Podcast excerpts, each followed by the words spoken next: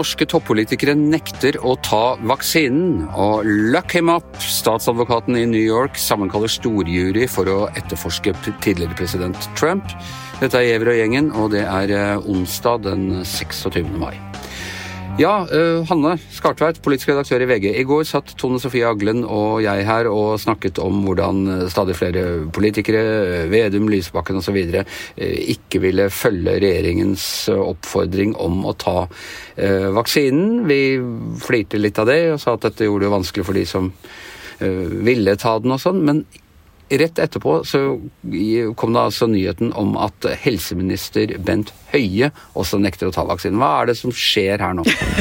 Nei, vet du, det er... er de blitt vaksinefornektere, eller er det Det er et veldig godt spørsmål. Jeg, bare si, jeg holdt på å dette av stolen da meldingen kom om at Bent Høie, helseministeren, gikk mot sin egen regjerings råd, hvor han er den som egentlig sitter med hovedansvaret for hele pandemien. Skulle tro det var hans råd, rett og slett. Ja, nå var det justisministerens råd for beredskapshensyn, ikke smittevernhensyn. Og det er en av grunnene til at FHI og andre ikke har anbefalt dette, for at dette handler ikke om om smittevern og hva som er riktig smittevernmessig, men det er rett og slett beredskap. Hvor Monica Mæland syns jeg argumenterte veldig godt på debatten i går, bl.a. på NRK, for at dette handler om at vi, styringsorganene våre må være parat og beredt dersom noe skulle skje. Både pandemi og også andre ting. Og det, Dette har vi argumentert, dette har vi i VG sagt hele tiden. Vi har i hvert fall vært opptatt av at særlig statsministeren og en del sånne nøkkelposisjoner burde, burde kunne være noe tvil at det blir i overkant egalitært at de ikke skulle vaksineres. Men er det virkelig nødvendig med hele Stortinget at de skal gå foran i køen, hvis vi bare tar den delen først? Ja, det er jo vanskelig for oss å bedømme. For det første, som du sier, Vi mente jo for veldig lenge siden at i hvert fall statsministeren og utenriksministeren i sentrale burde vært vaksinert. Det sa vi for flere måneder siden på lederplass i VG, og det har vi ment. Når det gjelder hvem og hvor mange, så lener jo Monica Mæland seg veldig på på de faglige rådene fra sine folk i Justisdepartementet som jobber med beredskap og samfunnssikkerhet.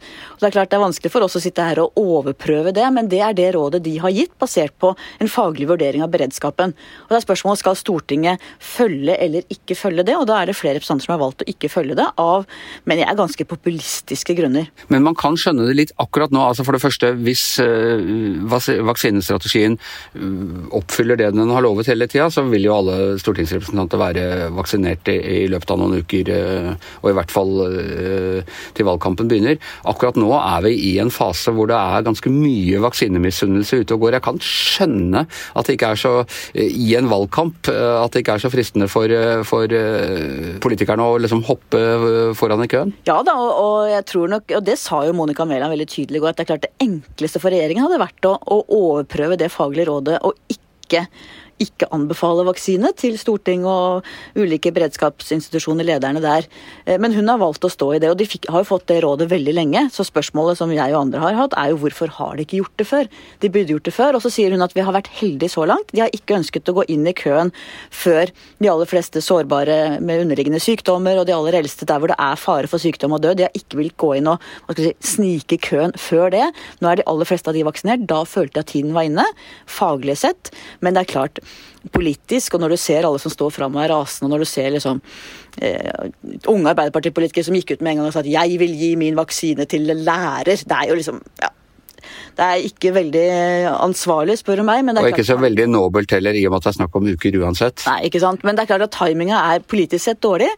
Eh, men jeg syns det står litt respekt av en justisminister som da sier at men dette mener vi er faglig riktig. Vi vet det er upopulært, vi vet det blir bråk, men vi må ta det ansvaret vi har. Men altså, Bent Høie og Monica Mæland tilhører ikke bare samme regjering, de er også i samme parti. Er dette en sprekk, eh, alvorlig sprekk innad i regjeringen? Ja, det er et godt spørsmål, Anders. Jeg må si jeg forstår ingenting av hva det er Bent Høie holder på med.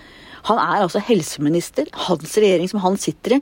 Antagelig er det altså øh, koronautvalget til regjeringen hvor han også sitter, som er de øverste, som er statsministeren, justisministeren, også helseministeren og partilederne. Det er liksom de mest sentrale regjeringene som sitter der. Det er krisegruppa, det er de som skal tre sammen i krig har, og Krisegruppa som har avgjort dette, hvor han sitter, og så sier han nei til vaksine. Fordi at han da bor i Stavanger, han, øh, hans samboer eller partner har hjemmekontor, han flyr bare fram og tilbake. altså ja, det er helt uforståelig, Anders. Jeg må si at det er, Og det forteller om en sprekk i regjeringa. Og Eh, et selvbilde på Ben som jeg vet ikke helt hva jeg skal si om det, men jeg bare syns det er helt corny. Får dette altså, konsekvenser? Altså Lenge så var jo øh, regjeringen ganske suveren. Øh, ok, det var for dårlig beredskap, men de, de håndterte det bra, og de hadde Stortinget med på lag, og alt gikk ganske greit. Men, øh, men nå ser det ut som det er stadig flere ting de skødder på. Tror du dette kan få politiske konsekvenser frem mot valget? Jeg tror det er en grov skrape i hvert fall i regjeringas uh, håndtering. Uh, det at det blir så mye surr. For at dette kunne vært håndtert annerledes. Men det er klart at når du både eh, har såpass dårlig kommunikasjon rundt det, og flere stortingspolitikere går ut på den måten, og når da på toppen av hele helseministeren sier at han vil vente, så er det klart at dette er eh, dette er skadelig for regjeringas omdømme. For de har jo som du sier stått veldig solid i håndteringen. Folk har sett at vi har lave dødstall, lave sykdomstall. De har summa summarum håndtert det veldig bra da pandemien først kom, selv om de var dårlige på beredskap i forkant. Men det er klart dette er alvorlig for dem. Bør eh, journalister og redaktører også nå hoppe foran i eh, køen av hensyn til informasjonsflyten og ytringsfriheten i samfunnet? Nei, jeg syns ikke det. Jeg har tenkt å vente på min tur, og du har allerede fått din, du, Anders. Ja, jeg er så gammel at jeg har fått min første, men, eh, men nå begynner jeg å nærme meg min andre. Jeg bikka jo 55 i april, så jeg bikka brått over i den gruppa mellom 55 og 64, så det er snart min tur å hoppe, jeg. Men jeg har ikke hørt noe enda, så jeg går og venter. Nei, ja, det er, det er litt propp i systemet nå, men nå skal det jo løsne noe voldsomt.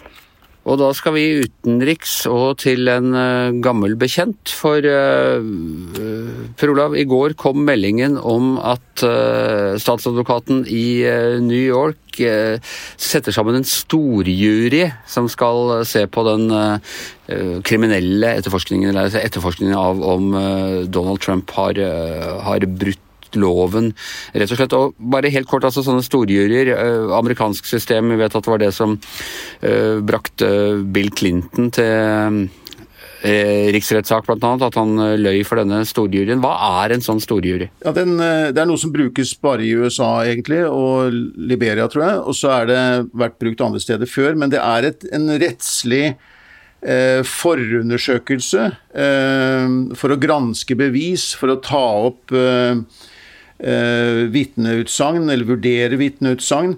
Eh, det er eh, en, det, er vanlige, det, er vanlige, folk som blir utpekt til å sitte i denne juryen. Eh, og det er en gruppe på kanskje mellom 16 til 23 medlemmer, der omkring. Eh, og de skal da eh, vurdere om påtalemyndigheten har eh, tilstrekkelig bevis for å kunne reise en tiltale. Først skal de vurdere det påtalemyndigheten legger frem, og så kan de da bli spurt om å avgi en og, og, si om de synes dette er tilstrekkelig for at det skal reises en tiltale. Så dette er en forundersøkelse.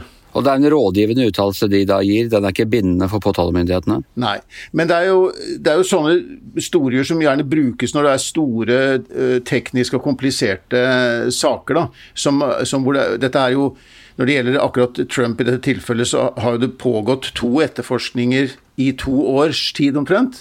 Uh, og de handler egentlig om økonomiske forhold i Trumps selskaper fra før tiden han ble president.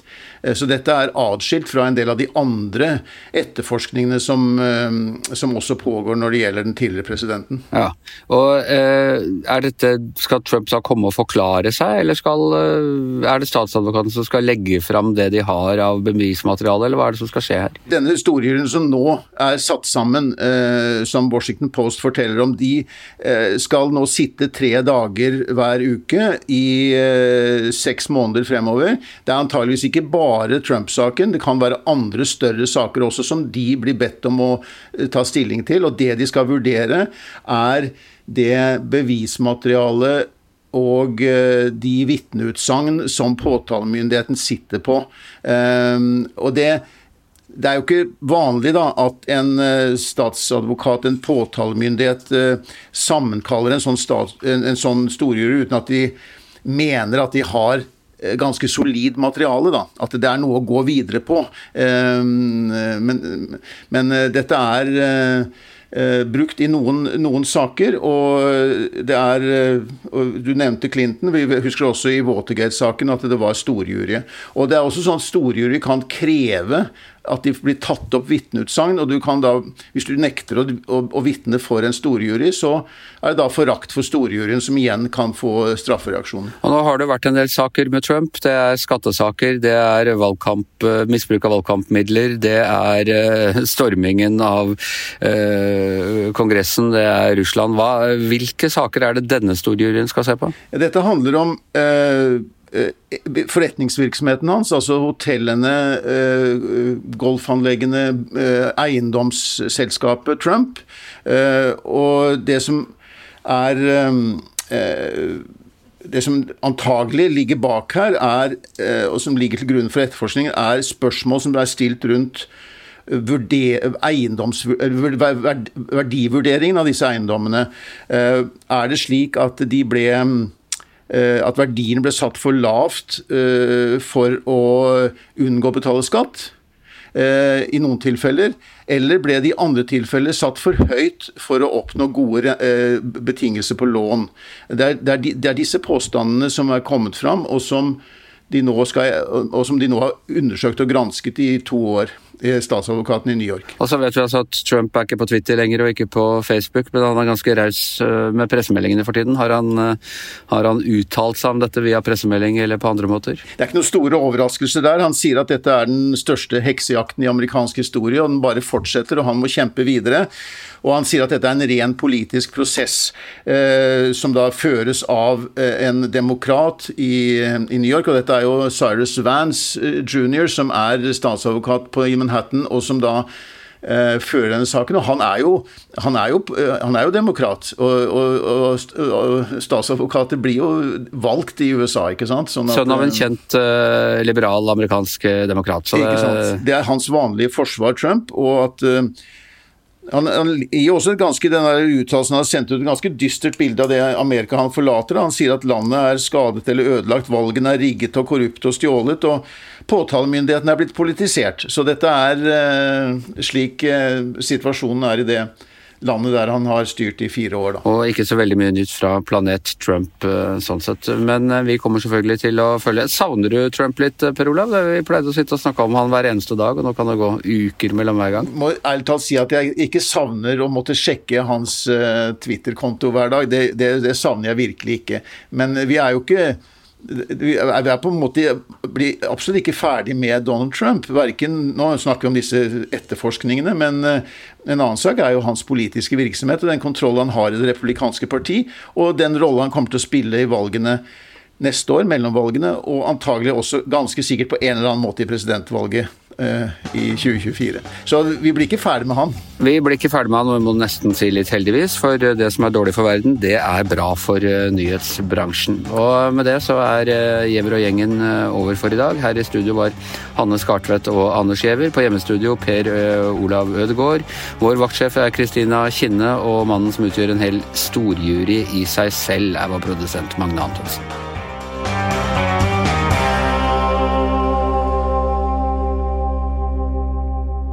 Du har hørt en podkast fra VG.